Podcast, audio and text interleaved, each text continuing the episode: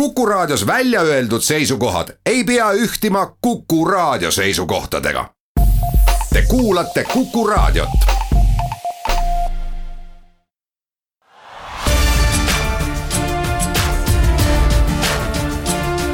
linnaveerand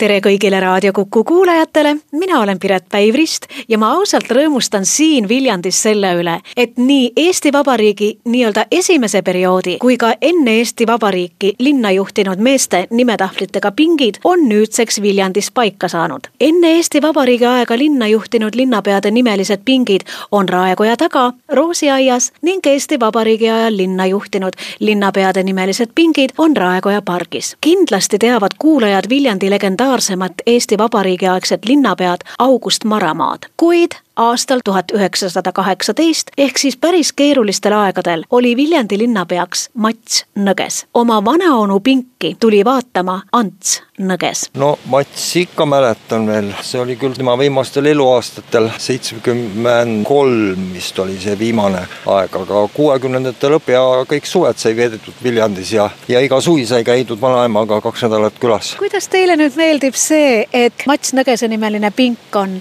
Viljandis siin kohe otse Raekoja taga. no miks ta ei peaks meeldima, ega muidu poleks tulnud siia vaatama. taasiseseisvunud Eesti esimesel aastal linnapeaks olnud Helir-Valdor Seeder ütleb, et nimeline jäädvustamine on nagu omamoodi sild oleva ja olnu vahel. selline järjepidevus ühe omavalitsuse, ühe linna elus on minu arvates väga oluline. on küll tore vaadata neid eh, nimelisi pinke ja ma loodan, et eh, selliste asjadega Viljandis jätkatakse. ma arvan, see on vajalik, see loob sellise igavikulise tunde. Viljandi linnas elav Rein arvab nimelistest linnapea pinkidest nõnda. no ettevõtmine on igati kiiduväärt, selline jäädvustamine, ma ei oskagi seda muud moodi öelda, kui ta on ikkagi vajalik. natukene aitab inimestel Viljandi ajalooga tuttavaks saada ja võib-olla tekitab pikemat huvi ka, kes olid enne revolutsiooniaegsed linnapead ja enne Eesti esimest vabariiki, nii et huvitav jah head kuulajad, meie tänase saate kõige omapärasem lugu on kirikutrepp ja selle renoveerimine.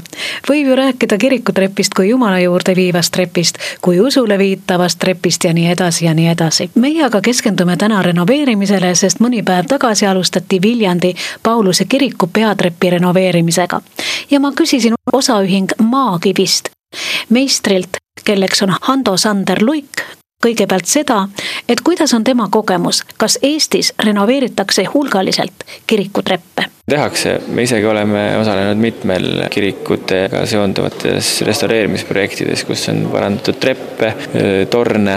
kui suur pähkel on siis praegu restauraatoritele Viljandi Pauluse kiriku peatrepi renoveerimine? no paras pähkel ikkagi, trepil on seitsekümmend viis erinevat detaili keskmine kaal circa kakssada kilo, et äh, kasutame muidugi masintööd, aga need kõik tuleb kõigepealt ikkagi käsitsi lahti tõsta, eraldi üle tahuda, puhastada, uuesti paika sättida, et küll äh, masin võib-olla aitab, täppistöö tuleb ikkagi käsitsi teha. Viljandi Pauluse koguduse juhatuse esimees Kalle Lillemets rääkis, et praeguseks on annetustena kogutud trepi renoveerimiseks viis tuhat eurot. linnavalitsusest oleme viis tuhat eurot saanud ja siis on meil annetaja, kes on andnud viis tuhat ja muidugi väga teretulnud ja, ja oleme saanud ka erinevaid väiksemaid summasid. kuid kas kirikutrepil on ka mingi sümboolne tähendus, selgitab Viljandi Pauluse koguduse õpetaja Allan Praats. trepp on üks nendest asjadest, mis võib-olla tõepoolest viitab, et need inimesed, kes siia kirikusse tulevad ja need inimesed, kes siit kirikust lähevad, on nagu sillakene selle ümbritseva maailma ja pühakoja altari ette tulemise vahel. Helde annetaja, kes viis tuhat eurot annetas seitsmeastmelise maakivist trepi renoveerimiseks, on väliseestlane Karl Trehner Karl Trehner on üks Austraalia ettevõtja, kes on teinud märkimisväärselt suuri annetusi kogudusele kirikuhoone restaureerimise heaks. Loodame, et Viljandi Pauluse kiriku peatrepp peagi korda saab, aga Viljandi linnal on sõpruslinn Ukrainas, millel nimeks Tšernobõl.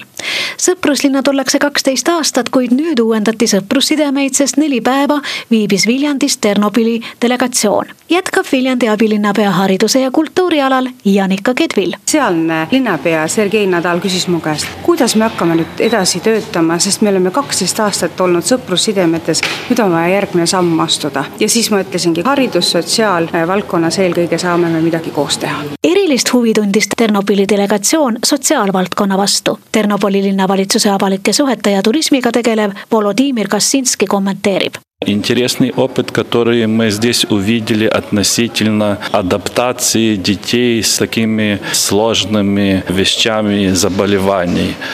Потом Центр социальной адаптации и многие еще другие интересные информации, которые мы получили во время этого визита. Huvitav kogemus, mida me siin nägime, oli raske või sügava puudega laste eest hoolitsemine ja nende toomine taas ühiskonda.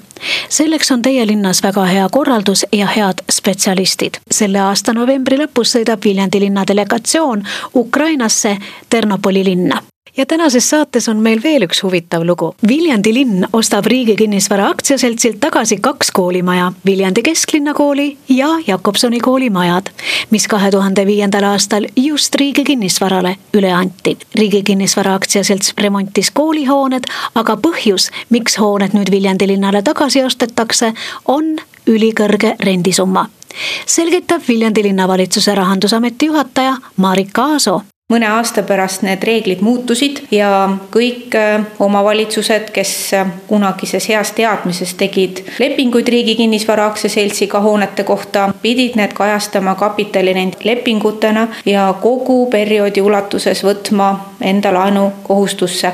linna puhul olid need väga suured summad ja meie toonane laenukoormus, mis muidu oli julgelt alla kolmekümne protsendi, tõusis viiekümne protsendi lähedale. see oli suur löök, võiks öelda tollel hetkel hetkel, kui riik oma reegleid muutis. ja meie olime kohustatud järgima siis edaspidist hoolduskorraldust ja igasuguste väiksemate remontide osas tagama, et kogu süsteem oleks järjepidev ja kõik oleks korras.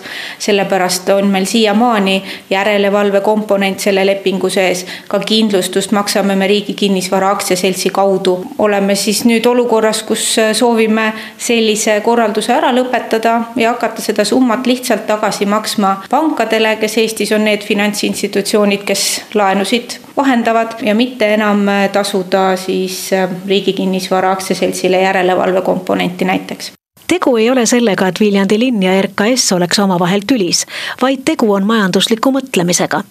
nõnda ütleb Viljandi linnavalitsuse kinnisvara haldusameti juhataja Andres Mägi. täiesti päevakohane teema kõigil, kellel siis koolid korda projektiga on saanud äh, kümme aastat täis. Äh, Tallinna linn on enda koolid välja ostnud ja siin lõunapiirkonnas ka erinevad omavalitsused ka veel on lepingu sõlmimistel Riigi Kinnisvaraga, kes siis äh, on ettepaneku teinud välja osta koolid, me saaksime asju natuke odavamalt odavamalt teha, oma laenukoormust saame vähendada.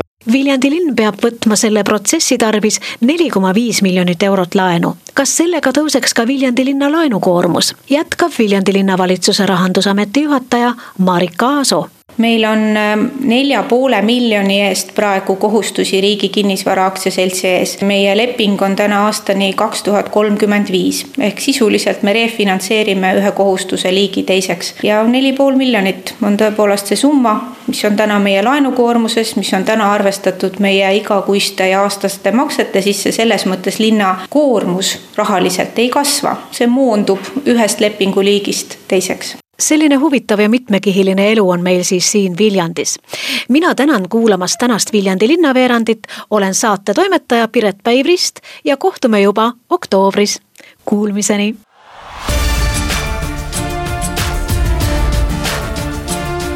linnaveerand